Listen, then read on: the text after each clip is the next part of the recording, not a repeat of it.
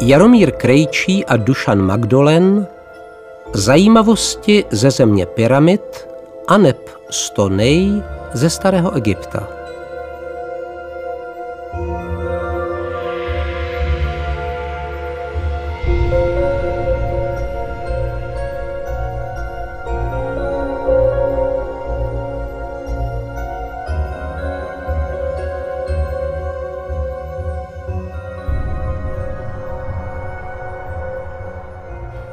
Láska, manželství a rodina patří k nejcennějším hodnotám a projevům mezi mužem a ženou.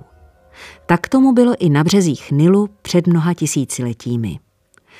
Proniknout do soukromí a intimního světa starých egyptianů nám kromě jiných pramenů umožňují zejména písemné památky. A proto není divu, že tuto problematiku známe lépe z historického než z prehistorického období. V Egyptě tvořila rodina základní společenskou jednotku.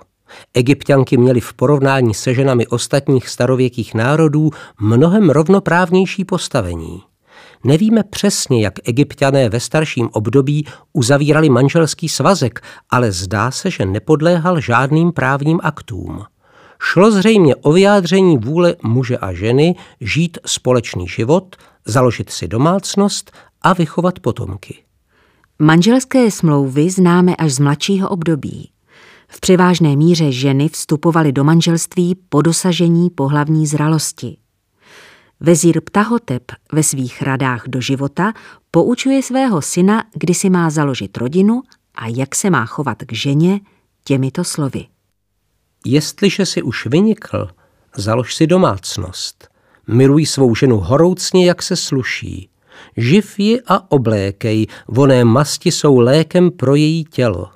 Čiň ji šťastnou po celý svůj život, vždyť je prospěšná svému pánu jako pole. Nepoháněj ji před soud, ani se na ní nedopouštěj násilí. Tato slova stará více než čtyři tisíce let, která se zachovala na papíru uloženém v Národní knihovně v Paříži, jsou zároveň upřímným vyznáním a přesvědčivým dokladem toho, že se žena ve staroegyptské společnosti těšila hluboké úctě. Projevy manželské lásky a úcty k rodině můžeme vidět i v bohaté výzdobě hrobek a na mnohých příkladech sochařského umění z každého období egyptských dějin. Mnohé z hrobek nesou na svých stěnách vyobrazení manželského páru, případně rodičů s dětmi. Jména manželek jsou v hieroglyfických nápisech téměř vždy doprovázena frází jeho milovaná. Hrobky častokrát tvoří členité rodinné hrobové komplexy, ve kterých byli pochováni oba manželé, případně i jejich potomci. Takovouto rodinnou hrobku v polovině 90. let minulého století odhalili výzkumy Českého egyptologického ústavu Filozofické fakulty Univerzity Karlovy v Abu Síru. Hrobka ze Staré říše patřila vezíru Karovi a jeho rodině. Podobně i sochařská díla vypovídají o manželském vztahu a rodinných poutech. Do této kategorie patří známé sousoší ze Staré říše, které zobrazuje trpaslíka Seneba s jeho manželkou Senetites a jejich dvěma dětmi. Na takovýchto zobrazeních manželka stojí, respektive sedí vedle svého manžela, jehož zezadu něžně objímá rukou. Vedle rodičů bývají často zobrazeny i jejich děti. Většina egyptských rodin byla monogamní, to znamená, že je tvořil manželský pár.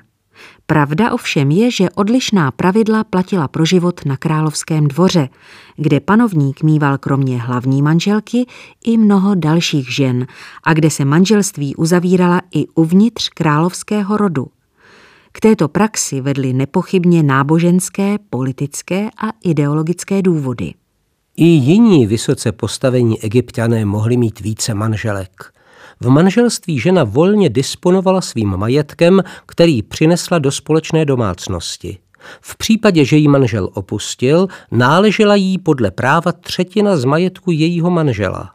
Pokud se ale dopustila nějakého hříchu, přišla o všechno. Cizoložství se považovalo za trestuhodný čin a mohlo být důvodem pro rozvod a zapuzení partnera, přičemž opuštění kvůli neplodnosti jednoho z nich se nepovažovalo za správné. V praxi byla běžná adopce, přestože hlavními dědici byly děti z prvního manželství.